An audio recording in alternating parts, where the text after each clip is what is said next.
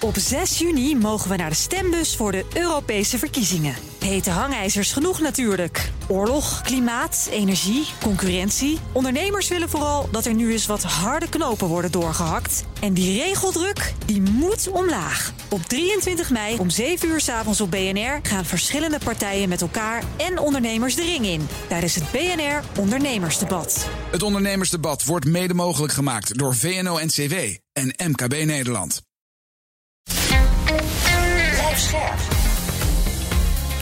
BNR Nieuwsradio. The Big Five. Paul van Liemt. Prinsjesdag staat dit jaar vooral in het teken van de torenhoge energieprijzen en afnemende koopkracht. Hoe kan worden voorkomen dat Nederlanders massaal in de financiële problemen belanden? De miljoenennota vertelt hoe onze minister van Financiën, Sigrid Kaag, deze ingewikkelde puzzel wil oplossen. Ik vraag vijf vooraanstaande economen naar hun visie. Wat vinden ze van de begroting en de kabinetsplannen? Dat laten ze horen in BNS Big Five van het advies aan Kaag. En vandaag is Arnoud Boot bij mij. Hij is hoogleraar ondernemersfinanciering en financiële markten aan de Universiteit van Amsterdam. En hij duidt iedere maandag en vrijdag de economie in macro met Boot en Mujagic in BNR Zaken doen. Welkom. Goedemorgen. Ja, Arnoud, uh, tutoyeren, we kennen elkaar lang. Ja. Bovendien ben je natuurlijk ook medewerker nu van deze zender. Prominent zelfs, op een heel ja, belangrijke plek. Het, het lijkt er bijna op, ja. Zeker, we gaan het dus, het kan bijna niet anders. We gaan het dus hebben over, over laten we zeggen, heel veel details gaan we bespreken. Die, die doen er dus zeker toe vandaag. We gaan het ook hebben over één belangrijke term, namelijk zonnebloemkapitalisme. Die houden we even in het achterhoofd. Maar voordat ik het met je ga hebben, ook over Prinsjesdag, wil ik eerst twee dingen van je weten. Allereerst, Kaag en Rutte die blijven benadrukken dat ze niet iedereen in financiële nood kunnen compenseren. En vooral, hè, dat wordt bijna een mantra, we moeten accepteren dat we collectief een stukje armer worden. Veel economen zeggen hen dat na. Is dat terecht? Ja, kijk, net zo goed als dat we stapjes vooruit doen, doen we af en toe een stapje terug. Uh, en dat klinkt heel vervelend, uh, maar dat is, uh, dat is alles wat je iemand potentieel afneemt, is een verworven bezit en geeft, geeft lawaai. Maar als je het hebt over financiële problemen, dan laten we wel kijken naar die groep die dat heeft. En niet die groep die tien keer groter is, die op de bandwagon springt en denkt van uh, ja, nu kan ik ook even mee in mijn compensatie. Maar Want, toch zijn we bijna allemaal de laatste decennia gewend aan sneller, groter, beter. Niet alleen... Nieuwe generaties krijgen het ook beter. Dat zijn fijne vooruitzichten. Dat willen we ook. Maar uiteindelijk, ik ben, ik ben buitengewoon optimistisch. Ja. Uiteindelijk, uiteindelijk gebeurt dat ook. Maar dat betekent niet dat je op momenten dat je moet aanpassen. En uh, dit is natuurlijk een, uh, ja, we, we zullen het er straks nog over hebben. Hè? Dit is natuurlijk gedeeltelijk uh, toch zelf veroorzaakt gedeeltelijk, maar ook heel gedeeltelijk niet. Hè? Die, die oorlog in de Oekraïne, kijk even. En de, en de problemen die dat geeft. Maar je moet af en toe bereid zijn dat er aanpassingen nodig zijn in die economie. En die aanpassingen kosten tijd. Bijvoorbeeld dat wij veel duurzamer omgaan met energie. Wat we natuurlijk al lang hadden moeten doen. En nu hopelijk eindelijk gaan doen. Als de overheid tenminste niet zo stom is. Om iedereen te gaan compenseren. Waardoor niemand meer gaat bezuinigen op zijn energiegebruik. Hè? Want dat is dan het belangrijke dilemma. De innovatie die nu naar boven gaat komen. Die is gigantisch. Dus laten we gewoon die hobbel nemen. Nou, dat is een goed begin. Daar gaan we inderdaad stevig op door zometeen. En dan ten tweede. Nou, het blijkt al. Je bent uh, hier flink van de tiek zit je bovenop. Bovendien uh, ben je voor en achter de schermen maar ook enorm actief. Uh, verhitte economische tijden, kom je ook tot rust? Ik denk het wel, dat moet ook, anders kan het niet, kon je hier niet staan. Maar hoe ontspan je je dan? Ja, kijk, mijn ontspanning is altijd sport. Uh, dus als ik niet kan, uh, mijn hardlooprondes niet kan doen en niet op de tennisbaan kan staan. ik heb eigenlijk mijn hele leven, en dan moet je nu, nu word je ouder, dus voetbal en hockey, wat ik ook deed, daar moet je mee uitkijken, want dat zijn heel impulsief vanuit start maak je beweging. Zeker. Dus dan heb je spierblessures. Ja, onderhavige spierblessures. Dus ik moet wat geregelder sport te kiezen. Eh, tennis is dat, maar met name hardlopen. En zolang ik de vriendjes van mijn dochters eruit loop, is het uh, nog helemaal goed. Zo, moeten die vriendjes gewoon weer zo meeluisteren? Want dat lijkt me geen goed idee. Den Haag maakt zich op dit moment klaar voor, voor Prinsjesdag. Om 12 uur begint het. We kijken uit naar de plannen van Kagen, die voor het eerst het koffertje gaat aanbieden. Maar wat verwacht je vooral van het kabinet? Nou ja, het kabinet voelt de onmiddellijke druk natuurlijk om uh, maatregelen te nemen om juist die kwetsbaren, want daar gaat het om, die kwetsbaren. Daar ben ik ook helemaal voor, dat je kwetsbaren uit de wind houdt. Uh, met betrekking tot deze onverwachte stijging van, uh, van energiekosten. Uh, dus daar gaat heel veel discussie over. Maar wat ik nadrukkelijk ook verwacht, en laat ik misschien nadrukkelijk zeggen hoop, is dat men aangeeft wat dat beleid de komende jaren is. Niet zozeer met betrekking tot inflatie vandaag, maar met betrekking tot gelijke kansen.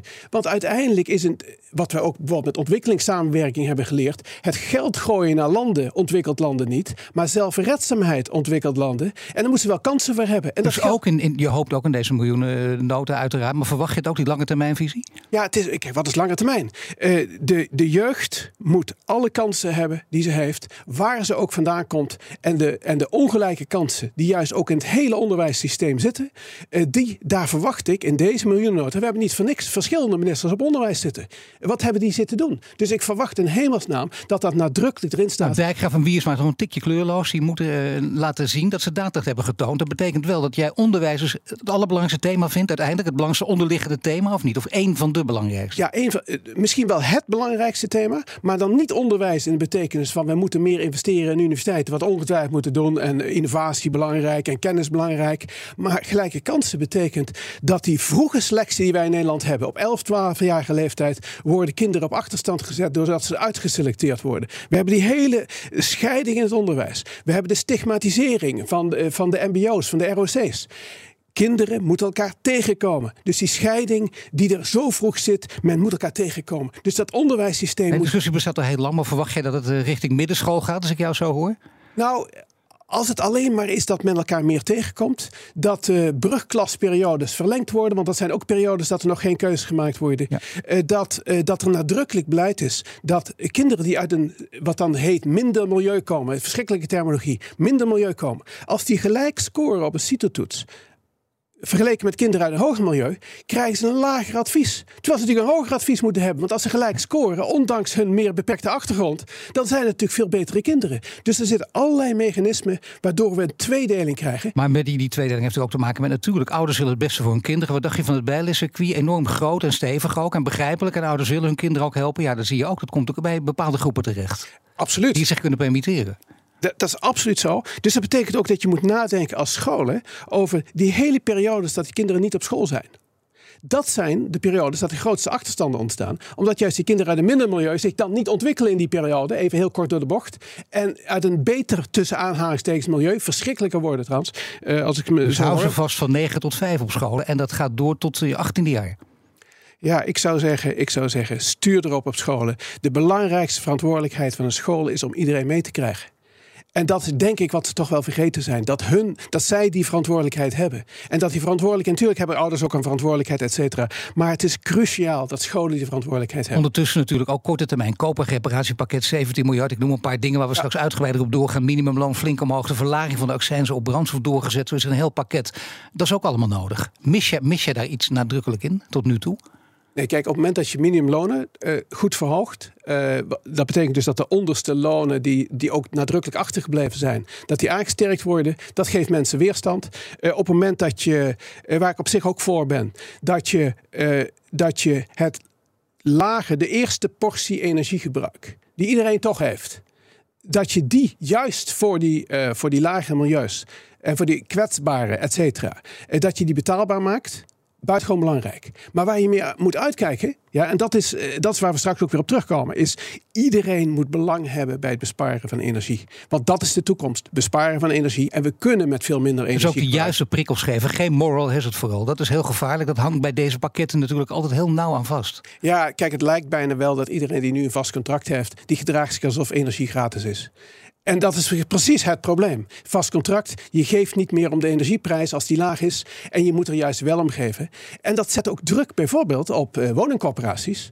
Want waar zijn woningcorporaties geweest de afgelopen jaren? Ze hadden de opdracht om te zorgen dat hun bezit van 2,7 miljoen energiezuinig werd. Ze hebben zich verborgen. En hier heb je het weer, het zonnebloemkapitalisme. Wat er uiteindelijk op neerkomt. Dat we allemaal naar de overheid kijken. Als een zonnebloem naar de overheid kijken. De overheid is de zon. We lossen onze eigen problemen niet op.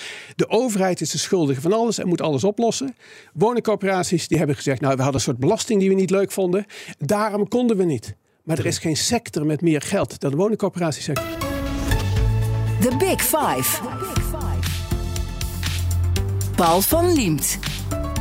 Mijn gast is Arnoud Boot, hoogleraar ondernemingsfinanciering en financiële markten aan de Universiteit van Amsterdam. Laten we kijken naar de hoge energierekening, waar we het even al over hadden, maar die natuurlijk heel belangrijk is, waar iedereen het over heeft. De hoge energierekening is een monster dat langzaam de huishoudens binnenkomt. Dat zei je zelf afgelopen weekend in NRC. Klopt. Maar dan wil je weten waar en wanneer gaan de grootste klappen vallen. Want er zijn heel veel groepen die er allemaal verschillend voor staan. Er komen ook heel veel verschillende rapporten uit. Kijk naar de Volksbank, kijk naar ABN AMRO Bank. Allemaal komen ze met verschillende rapporten en adviezen. Ja, maar dat geeft dus aan dat als je nu eh, op het lage energieverbruik een plafond zou zetten, dan heb je het eigenlijk wel opgelost. Heb je voor een heel groot deel opgelost. Want dat betekent dat iedereen die in een vast contract zit, nu nog laag zit, ja, die heeft dat vaste contract. Iedereen die in een variabel contract zit, die wordt begrensd door dat plafond. En dan heb je het eigenlijk, laten we eerlijk zijn, dan heb je het eigenlijk opgelost. Dus dan, dan hou even op met verdere maatregelen richting consument, dus richting inwoner. Dus dan is het de kwestie van waar komen al die buitensporige winsten, uh, winsten terecht en moeten we daar niet iets mee? Want het is toch onterecht dat die door een paar bedrijven naar zich toe gehaald worden. Dat is een hele valide discussie. Maar naar de consument heb je het redelijk opgelost. Dus ja, kabinet... Nou ja, en, en, dan natuurlijk de consument die het heel moeilijk heeft. Ik bedoel, echt, laten zeggen, degene die, die het echt het minste besteden hebben. Die echt bang zijn dat ze in de kou te komen zitten. Daar moeten ze, hoe, hoe je het ook noemt. Zou je dat ooit een noodfonds willen noemen? Of zeg je, het moet je op andere manier betitelen. Maar dat moet je wel in stand houden. En zo snel mogelijk optuigen. Ja, geen fonds optuigen. Uh, er is nog nooit een fonds in de Nederlandse geschiedenis geweest wat goed gewerkt heeft. Dat is ook een soort. Uh, hele, dit hele kabinet. Hè, het fundament van dit kabinet waren ook fondsen. Hè, fondsen. Ja, het fundament voor energie, voor stikstof. En wie weet wat voor fondsen ze allemaal hebben. Alsjeblieft geen fondsen. Je, je kijkt wat het probleem is. En je pakt het probleem aan. Een maar je kijkt dus naar mensen die acuut in de problemen komen. Daar gaat het dan om. Nou, je doet twee dingen. Hè. Aan de ene kant, of al zijn zelfs. Ja, maar je doet twee dingen. Hè. Aan de ene kant, we hebben dat energieplafond. Dus dat is belangrijk. Maar aan de andere kant, prijzen in de winkel gaan ook omhoog. En dat betekent dat het belangrijk is en was dat de minimumlonen omhoog gaan. En dat het onderste deel van het, uh, van het uh, loongebouw omhoog gaat. En daar zijn maatregelen genomen. Dus dan heb je al heel wat op, opgelost. En dan is de vervolgvraag, en dat is het punt. In alle periodes heb je mensen die in de problemen komen. En het, lijkt, het is nu opvallender omdat je makkelijker aandacht krijgt. Maar dat heb je in alle periodes. En daar hebben we schuldhulpverlening voor. Daar hebben we bepaalde maatregelen voor. Nou ja, schuldhulpverlening. Het gaat er juist toch om dat je probeert te zorgen dat mensen niet in die schuldhulpverlening terechtkomen. Dat je dat net voor bent. Ja, Paul, dat is, dat, is, dat is heel goed. Dat is heel goed. Maar dat net voor zijn kun je alleen oplossen door mensen of dat ze tijdig aan de bel trekken. Wat trouwens onderdeel van schuldhulpverlening wel degelijk is. Dat ze tijdig aan de, bel, aan, aan de bel trekken. Nou ja, dan ga je bellen. We hebben bij BNR zelf onderzoek gedaan. Dan hang je bijvoorbeeld bij de energieleverancier uren in de wacht. Of je komt er niet door of je wordt eraf gegooid. Even letterlijk. Ja, maar, maar, maar Paul, let, let wel op. We hebben de maatregel die dat energieplafond wat eraan komt. Uh, dat, is een, dat is een zinvolle maatregel die voorkomt uh, dat je op die manier in de problemen komt. In elke omstandigheid komen mensen in de problemen. Er zijn altijd dingen die tegenzitten. Altijd. En nu, in deze periode, is het makkelijker om in de problemen te komen dan in een andere periode. Ook omdat die maatregelen niet meteen ingevoerd zijn. En dat betekent dat je daar mensen op moet zetten die, die kunnen helpen. Maar dat een fonds een fonds op zichzelf helpt niet. Die mensen moeten geholpen worden. En dat er vervolgens middelen algemeen. Want een fonds klinkt ook altijd als het, alsof het inderdaad iets is voor de komende jaren. En dan zit je eraan vast en dat moet je niet hebben. Wat, wat, wat een fonds is, je creëert een fonds. En daar horen dan ambtenaren bij, er hoort een apparaat bij. En je bent weer een bureaucratie aan het optuigen. Uh, die hebben we al een aantal. Dus mijn, mijn punt is: problemen, betalingsproblemen waar we, waar, waar we het nu over hebben, die zijn van alle tijden. Dat is niet om te bagatelliseren, maar het betekent dat het instrumentarium wat we hebben, daar moet je mee aan de slag in plaats van weer nieuwe instrumenten verzinnen. Dan speelt er nog iets, namelijk eh, de totale waar we het net een beetje al over hadden, maar ik ga ze nog extremer maken. De verschillende geluiden die we steeds horen. Diederik Samson, die benadrukt, ik citeer even, dat Nederland te laat is met maatregelen van Timmermans zegt dat Den Haag de urgentie niet voelt. ABN AMRO hoofdeconoom Sandra Flippen waarschuwt dat we moeten wachten met extra steunmaatregelen. Komen de maatregelen dan te vroeg of te laat als je naar beide partijen goed luistert? Want jij kent ook beide kanten heel goed. Ja, je kent ja, nee, ook, ken... je kent Sustainable Finance Lab, waar je voorzitter van bent. Ja, ja goed, ik ken ze, ik ken ze zelfs allemaal persoonlijk. Dus, uh, en uh, op zich zijn het allemaal mensen die uh, goed hart hebben voor, voor, voor de zaak. Dat mag je hopen, ja. ja nee, dat zijn allemaal mensen goed. En geen eigen agenda, geen eigen agenda hebben, et cetera. Waar je, waar, waar je in deze tijd iedereen altijd over hoort. Dat, dat, dat, dat is allemaal flauwekul.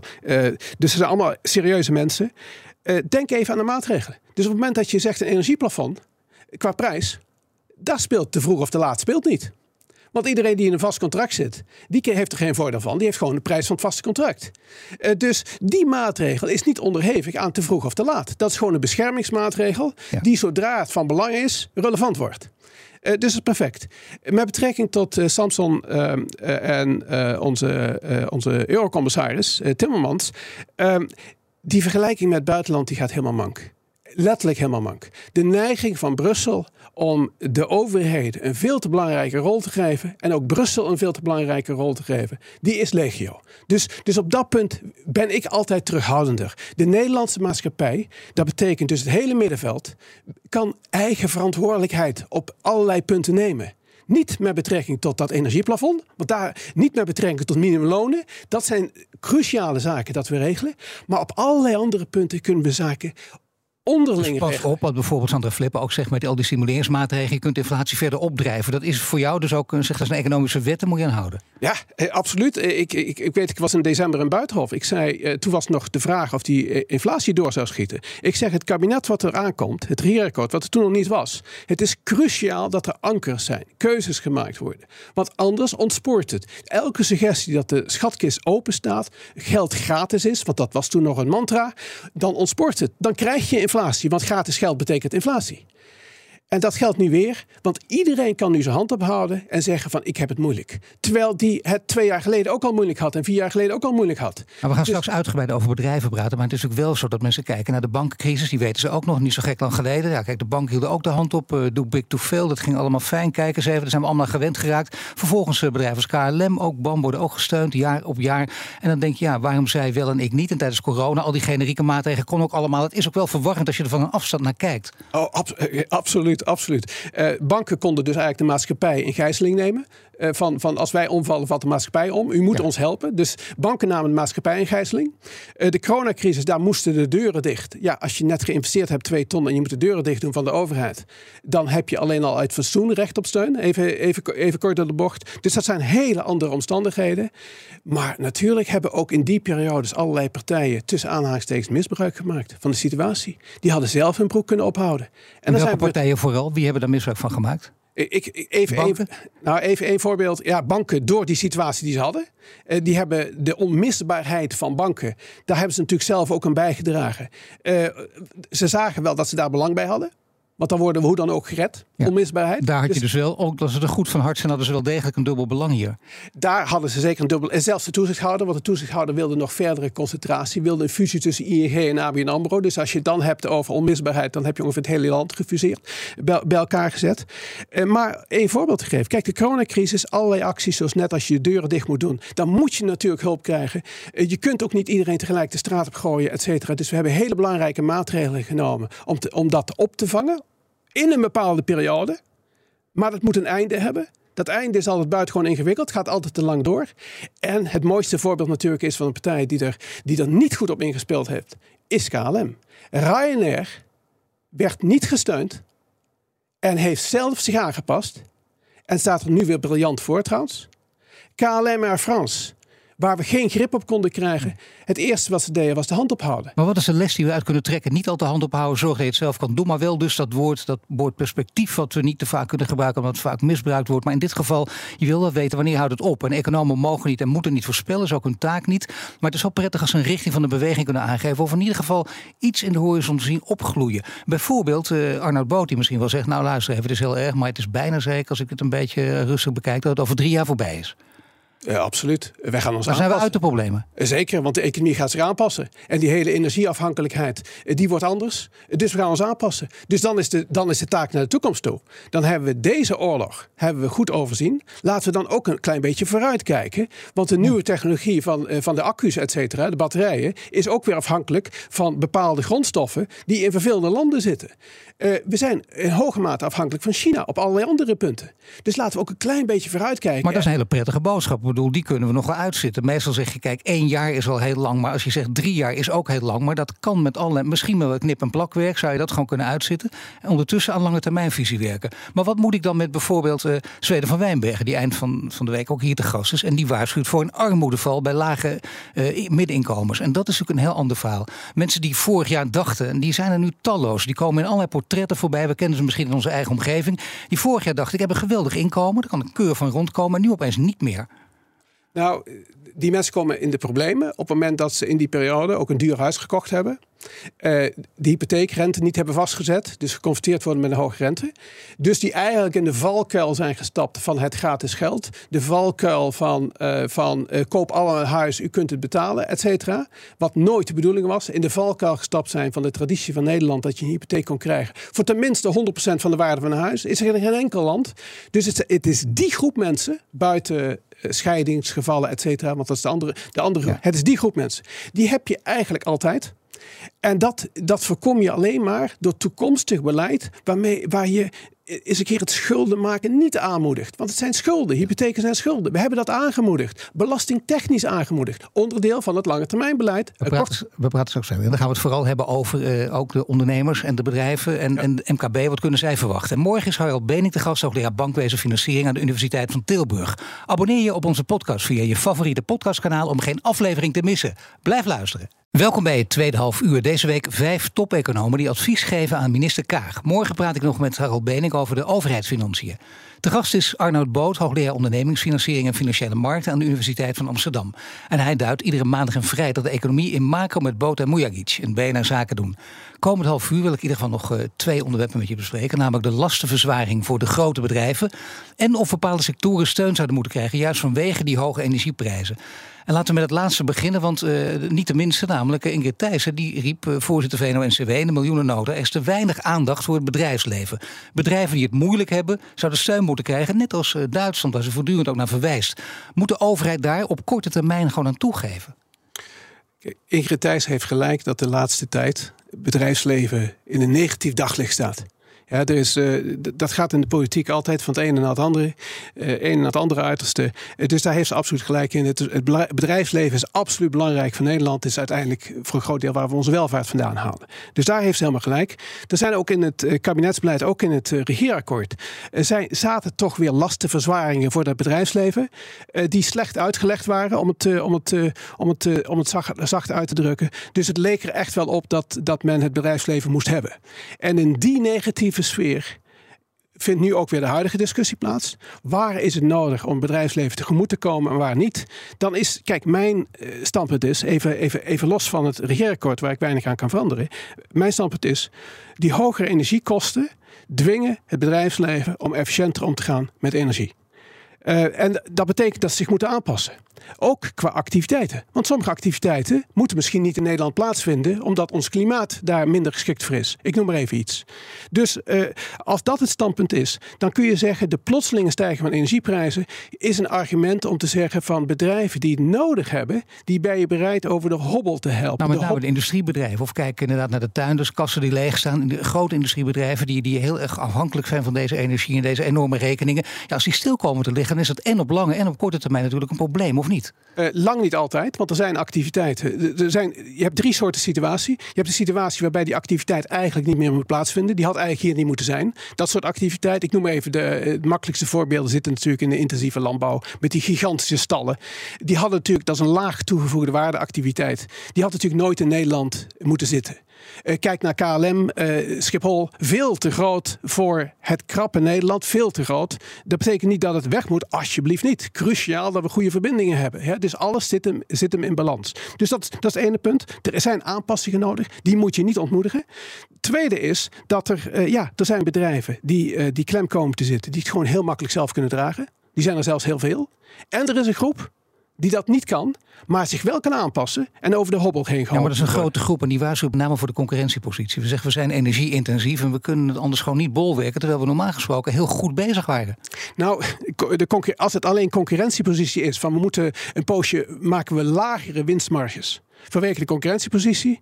Nou goed, daarvoor ben je een ondernemer. Dat risico moet je dragen. Dit is geen coronacrisis waarbij je deuren moeten sluiten en de overheid je uit tegemoet moet komen. Maar als jij. Maar dat betekent wel, nee, maar je, je bent ook een blanke speler achter de schermen. Laat ik dat even zeggen. Lid van de WRR, lid van de bankraad geweest bij de Nederlandse banken. Je, je, kent, je kent alles voor en achter de schermen. Dus je weet ook als je dit doet, dat je bijvoorbeeld een blanke speler als uh, de voorzitter van VNO-NCW tegen de haren instrijkt.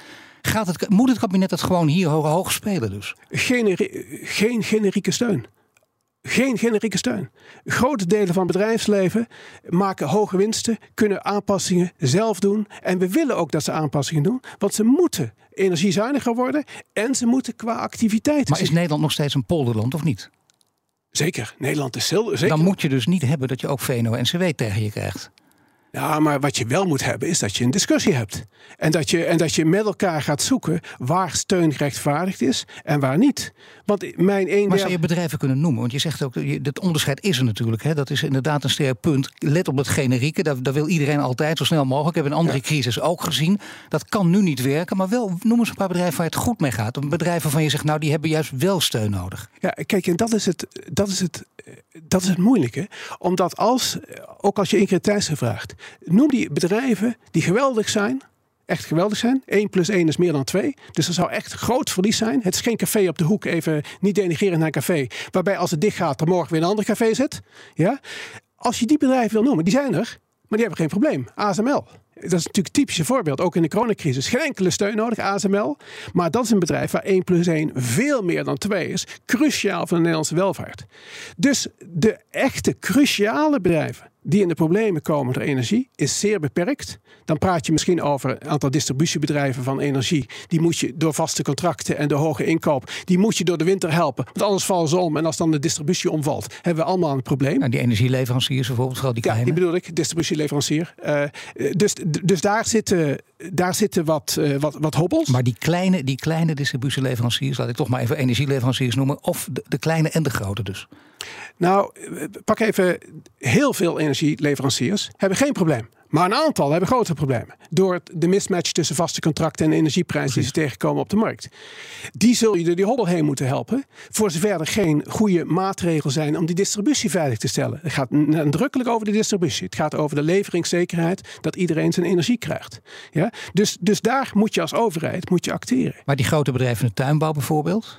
Nou, Kijk, de groep bedrijven, ja, de groep bedrijven die zich kunnen aanpassen en niet de mogelijkheden hebben, de middelen hebben om zich aan te passen, die, daarvan kun je zeggen, de komende half jaar, dit is een onverwachte omstandigheid, de komende half jaar zijn we bereid jou de gelegenheid te geven om je aan te passen. Maar altijd wel dit soort termijnen aangeven, want voor je het weet denken zij ook dat tijdelijk permanent is. Dat is het grote gevaar wat altijd hier achter schuilt. Altijd. Ook achter mijn optimisme, eh, wat volgens mij helemaal geen naïef optimisme is, dat ook deze situatie over twee, drie jaar zijn we er overheen. Maar dat vergt wel dat we ons aanpassen. Dus als je naar boot gaat luisteren en zegt nou, over twee, drie jaar zijn we er overheen, we gaan even achteroverleunen. Nee, het is juist omdat we ons aanpassen. En dat is ook de kracht van het land om zich aan te passen. Dus nu is de cru, de cru van de overheid is om dat aanpassingsvermogen te ondersteunen en niet te frustreren. Maar toch het voorbeeld van die tuinbouw waar we het over hadden. Dan zeg je ja, dat zou goed zijn. Dan moet je ook weer kijken welke wel en welke niet. Maar welke het nodig hebben en niet zou kunnen doen. Die moet je een half jaar steunen. En ook nadrukkelijk zeggen dit is een half jaar en daarna houden we op.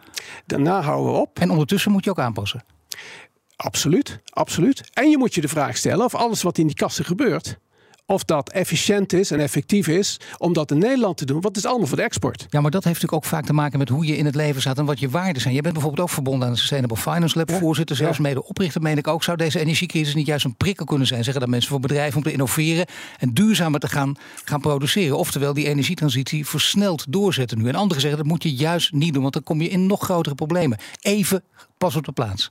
Nou, we, ik denk niet dat we het over pas op de plaats uh, moeten hebben. Wel gericht. Het kan heel goed zijn dat we vanwege de hele situatie met Rusland en de Oekraïne. Dat de, en de energieproblematiek en de leveringszekerheid in Europa. Het kan zijn dat we iets met Groningen moeten. Dat we het Groningenveld toch zouden moeten openen. Maar wat zou dat zijn dan? Iets met Groningen moeten? Want dan gaan toch heel veel alarmbellen rinkelen. Dan willen we van jou graag horen wat je daar precies mee bedoelt. Ja, nou ja, het eh, enige iets met Groningen gebeuren. Het enige wat kan gebeuren, wat kan gebeuren is dat we die gaskraan toch, toch weer open draaien in Groningen. Dus dat is de enige, dat is iets wat je niet kunt uitsluiten. Gezien de, de acute energieproblematiek, die speelt nu op. Kun je niet uitsluiten. Nee, dat snap ik. Maar, maar zullen de Groningers zich rot van schrikken. Dus wat zeg je tegen die Groningers dan, die bijvoorbeeld nou, nu ook meeluisteren? Ja, kijk, dan zeg je tegen die Groningers. Als dat zou gebeuren, dan moeten we natuurlijk zorgen dat alle opbrengsten, of het gros van de opbrengsten, ten goede komen aan Groningen. En dat er eindelijk dus de compensatie komt, die ze hoe dan ook toch al nodig hebben. Maar ze zijn duidelijk uh, begrijpelijkerwijs zeer cynisch over, want ze hebben gezien hoe dat in het verleden tot nu toe gegaan is. En bovendien de angst die daar ook is als je daar woont. Absoluut, absoluut. Uh, die angst is er, is er nu ook nog steeds, hè, want die aardbevingen zijn niet zomaar weg. Uh, voordat, die, voordat dat probleem over decennia... Nee, maar desondanks zeg je het toch doen. Ja, maar dat, Groningen zit er nu bovenop. Dus nu kun, je, nu kun je een goed contract maken. En de overheid is natuurlijk gedwongen om de Groningers tegemoet te komen. Dit kabinet, dit kabinet kan dat, wat zo weinig vertrouwen heeft, de keerzijde is dat als er een greep op Groningen nodig is, tussen aanhalingstekens, dat ze Groningen ook echt tegemoet moet komen. Want het laatste wat ze wil, is dat ze nog een groep in het land tegen, tegen, tegen Maar moet je dit, dit vooral niet heel snel beslissen? Want dit is heel erg, dit weten we uit de psychologie ook, en dit is helemaal erg. Iemand heel lang laten bungelen en laten wachten, dat doe je dan uh, met, met, Groningen. Wat gaat er wel of niet gebeuren? Nou ja, heel, kijk, eh, Paul, heel lang. Uh, we, zitten, we, hebben, we hebben het over de komende maanden, komende jaar. Daar hebben we het, daar hebben we het eigenlijk over. Hè? Dan gaan de beslissingen nee, genomen dan zou je toch nu die beslissing kunnen nemen? Want daar, zijn we, daar is dan de rest van Nederland zeer bij gebaat. Je zou, wat je zou kunnen doen, je zou nu kunnen zeggen van als dat nodig is, dan komt er dit, deze vorm van compensatie. Maar dat durft men zo niet te zeggen, want die deze vorm van compensatie is voor een groot deel ook voor de bestaande problemen. En daar is nog steeds geweldige hijsen over wie die rekening betaalt. Dus, dus daar zit een frictie. Maar, maar mijn punt is, als Groningen, want daar hebben we het dan nu even plotseling over, als dat nodig zou zijn in deze energiecrisis, dan moet daar een geweldige compensatie voor Groningen tegenover staan. Mijn gasten stellen elkaar vragen via de kettingvraag. In de vorige aflevering was hier hoogleraar economie Lex Hoogden. En die had deze simpele vraag voor jou. Wat ik mij zou willen uh, vragen is wat hem nou eigenlijk uh, drijft. Waarom hij, waar, waar, dat enthousiasme, dat aanstekelijke enthousiasme vandaan komt. En misschien eraan gekoppeld waarom hij ooit economie is gaan studeren. Dan graag een kort antwoord. Dat kun je makkelijk. Met het aanstekelijk enthousiasme. Waar komt het vandaan? Nou, kijk, dat is, dat is uiteindelijk natuurlijk betrokkenheid. Het, uh, het idee dat je met belangrijke dingen bezig bent. Dat je erover mee kunt praten. En, uh, en dat je uh, met, met pessimisme is nog nooit iemand in beweging gekomen. dus het geeft je energie. Uh, dus het uh, aanstekelijk uh, enthousiasme, wat Lex zo leuk zegt, ja, dat, zo, zo, voel ik het ook. Het geeft energie, dat is heel mooi ook in deze discussie. Maar en, en, in het kort, waarom ben je economie gaan studeren? Ja, dat, kijk, dat is uiteindelijk zo Toevalletje. To totaal toeval geweest. ik was een leerling die schijnbaar niks kon, want ik deed ook nooit iets. Dus dat maakte natuurlijk, dat bevestigde het. En mijn vrienden gingen allemaal economie studeren. En toen ik eindelijk mijn herexamens gehaald had van die middelbare school, toen ging ik ook maar economie studeren. En toen ben ik opeens in het tweede of derde jaar, dat als ik dingen maar helemaal op mijn eigen manier deed, de, het lesprogramma gewoon niet volgde, dat dat, ja, dat dat gewaardeerd werd. Dat is een geweldige les ook voor jouw studenten. BNR Nieuwsradio. The Big Five. Paul van Liemt. Je luistert naar BNS Big Five van het advies aan Kaag. Later deze week praat ik nog met Barbara Baarsma over een duurzamere economie. Mijn gast is Arnoud Boot, hoogleraar ondernemingsfinanciering en financiële markt aan de Universiteit van Amsterdam. Nou, eventjes wat cijfers. Want uh, een miljoenennota van historische omvang en uh, al die maatregelen doen iets met het begrotingstekort. Dan is de vraag altijd hoeveel ruimte is nog in de Nederlandse schatkist. En daar zie je economen af en toe uh, heel prettig ook, denk ik, en moet ook stevig over in debat gaan. Die staatsschuld is, wordt volgend jaar gezet, geschat op een behoorlijk stevig percentage, maar ook een duidelijk achter de komma. 48,8 procent. Van Brussel mag je op 60 procent zitten. En even nog in herinnering roepen voor wie het niet meer weet. De Fransen zitten op 115, de Italianen op 150. Dus dat betekent dat, dat we gewoon nog ruimte genoeg hebben. Dat je makkelijk eigenlijk nog geld kan uitdelen. Uh, ja, Paul, je hebt gelijk. Uh, ja. we, we, weten ook van de Nederlandse geschiedenis. We hebben in het Engels, uh, in het Engels twee woorden aan ons land gekoppeld. wat wijt op hele grote economische problemen. Dat was de Dutch disease. Ja. En de Dutch disease was heel toepasselijk. Toen het gas gevonden was in Groningen, gingen we als een, als een gek geld uitgeven. En door, ja. Want we waren rijk opeens. We waren allemaal gillend rijk in dit geval. Niet alleen, en wat kregen we? Inflatie. Wat gebeurde met onze bedrijven? Iedereen wilde hogere lonen. Onze bedrijven waren niet meer concurrerend. En wat gebeurde uiteindelijk met onze economische groei? Die ging naar beneden. Dus de Dutch disease geeft precies aan waarom, uh, waarom zomaar geld uitgeven geen goed idee is. Wat betekent dit nu? Uh, wat betekent dit? 48,8% staatsschuld is natuurlijk helemaal niets. Ook niet omdat we uh, te goed op pensioenfondsen hebben van, uh, van wel 60%. Hè. De overheden hebben allemaal uitgesteld. De overheid heeft belasting uitgesteld. Dus we hoeven niet zo zuinig te zijn als we nu zijn vanuit de staatsschuld bezien niet. Het betekent ook dat het pakket wat we nu hebben afgesproken, betekent dat, de, dat, de, dat, de, eh, dat de, het overheidstekort volgend jaar is iets van 2,5% van, van het nationaal inkomen. Dat kunnen, dat kunnen we makkelijk hebben. Maar het doel van economisch beleid is om te zorgen dat we het allemaal goed hebben. En ook goed hebben op de middellange lange termijn. En daar zit de belangrijke afweging. Want als je het allemaal via de overheid laat lopen, dan heb je het uiteindelijk niet samen niet goed. Je hebt het uiteindelijk samen goed als de overheid zorgt dat het bedrijfsleven, dat de maatschappij zijn eigen verantwoordelijkheid neemt, zijn eigen keuzes maakt, innoveert. Want alles wat die overheid doet, elke steunmaatregel van die overheid, is een steunmaatregel aan het bestaande. Het nieuwe wordt nooit gesteund, het bestaande. Dus als wij zeggen het grootste probleem in dit land is gebrek aan arbeidsproductiviteit, we hebben te weinig mensen, dus we moeten productiviteit verhogen, daar heb je innovatie voor nodig. En voor innovatie heb je nieuwe bedrijven nodig. En die krijg je niet als je het bestaande al alleen maar aan het subsidiëren bent. Nee, niet gewoon echt uh, bijna wezenloos aan het infuus gaan hangen natuurlijk. Maar aan de andere kant, er is wel heel genoeg ruimte inderdaad vanuit de staatsschuld bekeken. Maar uh, vind je dan dat bijvoorbeeld iemand als eh, Hans Biesheuvel vaak hier op de zender te horen... de voerman ook van ondernemers, en die roept, wacht eens even... ik hoor heel veel ondernemers, mijn mailbox stroomt vol... die zich enorm zorgen maken, die inderdaad naar het plafond liggen zagen... die denken, ik weet niet wat ik met de toekomst aan moet, met de nabije toekomst. Moeten die dan juist wel, gezien deze acute situatie... waarin toch heel veel samenkomt wel degelijk geholpen worden. Ook weer met het verhaal erbij. Uh, als je dit doet, dan krijg je dit geld, maar zorg dat je bijborde maatregelen neemt. Maar neem in ieder geval die angst en die zorgen weg. Nou, kijk, wat we in ieder geval even. Er zijn twee soorten: hè? De, de acute. En uh, die middellange termijn, die geldt ook met betrekking tot energie. We hebben geleerd in de coronacrisis en ook nu met deze crisis, dat grote afhankelijkheid van een paar toch weinig betrouwbare spelers of geopolitiek ingewikkelde spelers, daar moet demping tussen zitten. Dus de volledig vrije energiemarkt, eh, dat is geen geweldig goed idee om het zo te formuleren. Dus dat betekent dat er dempingen moeten komen in dat mechanisme. Ja. Uh, mensen uh, in de arme wijken variabele energiecontracten laten afnemen, dat is natuurlijk onzinnig. Dus daar moet een regelgeving komen. En in dat... Duitsland wordt er trouwens zelfs gesproken over uh, mogelijk nationalisering. Dat gaat veel te ver voor jou of niet? Nou ja, dat, dat gaat heel ver. Dat, uh, dat maakt het meteen ook weer heel gevoelig. Want voordat je dat weer rond hebt, ben je zes jaar procederen verder. Uh, dus dat is natuurlijk heel vervelend. Dus dan, dan hebben we het over ons nageslacht bijna, die daar alleen nog maar voordelen van heeft. maar wat Hans maar dus, de, dus dat er grotere voorspelbaarheid is op de middellange termijn absoluut nodig. Vereist een andere energiemarkt, andere type afhankelijkheden, et cetera. En daar zijn we hopelijk mee bezig en urgent mee bezig. En dat is onderdeel van die urgentie, van aanpassingen die, die we nodig ja, hebben. Dat zegt hij dus ook steeds. Hè? Urgentie betekent dus dat je nu met een plan komt. Dat je niet zegt, uh, we gaan ons erover buigen, we gaan een commissie vormen, noem maar op. Altijd diezelfde mantra weer om dingen uit te stellen. Ja, terwijl er heel veel naar gekeken is al, ook sinds het begin van de coronacrisis. Uh, want maar geen knopen ging... doorgehakt. Ja, en dat heeft natuurlijk, dan hebben we het over het kabinet natuurlijk. Ja. Het kabinet, uh, niemand in het kabinet spreekt eigenlijk met vertrouwen omdat men elkaar weinig vertrouwt. Ja. En de partijen vertrouwen elkaar weinig. En die volstrekt gebrek aan warmte betekent dat niemand een verhaal durft te vertellen. Iedereen blijft eigenlijk bij zijn aantekeningen uit een soort zelfverdediging. In die situatie zitten we. En dan ook nog naar de buitenwereld toe, wat natuurlijk reflectie is van ook van vertrouwen, weinig vertrouwen tussen de partijen zelf. Betekent dat het grotere verhaal van het kabinet, van de slaan ons er doorheen, hebben we altijd gedaan in de geschiedenis. En we hebben een geweldig land, want dat hebben we. Dat verhaal en hoe wij dat gezamenlijk kunnen doen, dat wordt niet verteld. Ik hoop iets in de troonrede vanmiddag.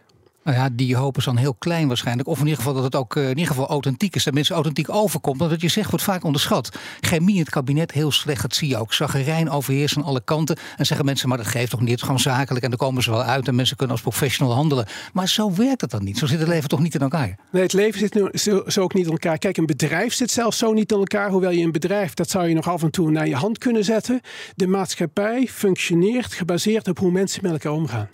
En dat het culturele, het cultuurachtige, het, het elkaar willen ondersteunen. En die warmte, die, daarvoor heb je die overheid nodig. Je hebt vertrouwen nodig. Het zijn allemaal van die hele vage begrippen. Die ook binnen de economie moeilijk liggen. Want we kunnen er natuurlijk moeilijk mee omgaan. Maar het is absoluut cruciaal. En ja, dit kan zeker, zeker als je praat over vermogensongelijkheid aanpakken. Hè, uiteindelijk op lange termijn. Dat dat gewoon uh, een van de belangrijkste zaken is. Nog belangrijker dan die koperreparatie of niet?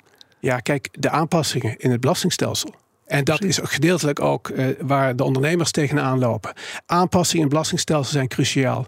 Dat betekent dat aanwas van vermogen, dat moet natuurlijk zwaarder belast worden. Arbeid moet minder belast worden. Ondernemer, het ondernemer zijn moet op zichzelf niet zwaar belast worden. Ondernemer zijn, want je wil inventiviteit. Maar je wil wel de vruchten in termen van vermogen, die wil je belasten. maar dat is de grote kwestie, kun je toch alleen maar aanpakken als inderdaad dus de chemie in zijn kabinet goed is. Die is er gewoon niet. Klopt. En in termen van, en in termen van trouwens, nieuw belastingstelsel, die plannen liggen er al tien jaar. Ja. En het is door ja, gebrek aan chemie. En dat vertaalt zich dan ook in gebrek aan leiderschap, dat dat, dat, dat niet gebeurt. En het is dus wachten op, ja, we zitten in een soort eh, intermezzo, we zitten interbellum eigenlijk. Wachten op een nieuw kabinet ook zo snel mogelijk? Ja, nou ja, zo snel mogelijk. Dat heeft natuurlijk op dit moment geen zin, zo snel mogelijk. Uh, je wil, uh, je wil uh, het is duidelijk dat als je vorig jaar in april, in april, als partij gaat zeggen: onze wegen scheiden ons. En dan zes maanden later ga je dan maar door. En iedereen, doet, iedereen krijgt waar die zin in heeft. Want dat, dat verklaart waarom dat regeerakkoord alles en nog wat in zich had ja, dat, dat is geen vertrouwen. Dus dat is ingewikkeld. Arnoud, ik hou nu op met vragen stellen, want het woord is aan jou. Jij mag vragen gaan stellen, want dat doen mijn, vragen, mijn gasten altijd via de kettingvragen. Je mag een korte, bondige vraag stellen aan de volgende gast. En dat is Harald Benink, hoogleraar bankwezen en financiering aan de Universiteit van Tilburg. Wat zou je aan hem willen vragen? Uh, Harald, als uh, zeer uh, waarde collega. Um, eigenlijk tweeledige vraag. Tweeledig. Eén aspect is ook een overeenkomstige vraag die Lex aan mij gevraagd heeft.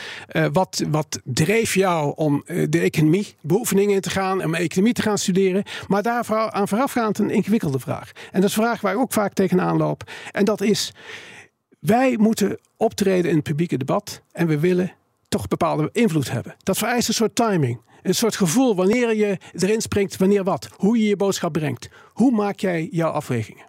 Dankjewel, Arnoud Boot, hoogleraar ondernemingsfinanciering en financiële markt aan de Universiteit van Amsterdam. Alle afleveringen van BNS Big Five zijn natuurlijk terug te luisteren. Abonneer je op onze podcast via onze app of je favoriete podcastkanaal om geen aflevering te missen. Op 6 juni mogen we naar de stembus voor de Europese verkiezingen. Hete hangijzers genoeg natuurlijk. Oorlog, klimaat, energie, concurrentie. Ondernemers willen vooral dat er nu eens wat harde knopen worden doorgehakt. En die regeldruk, die moet omlaag. Op 23 mei om 7 uur s avonds op BNR gaan verschillende partijen met elkaar en ondernemers de ring in. Tijdens het BNR Ondernemersdebat. Het Ondernemersdebat wordt mede mogelijk gemaakt door VNO-NCW en MKB Nederland.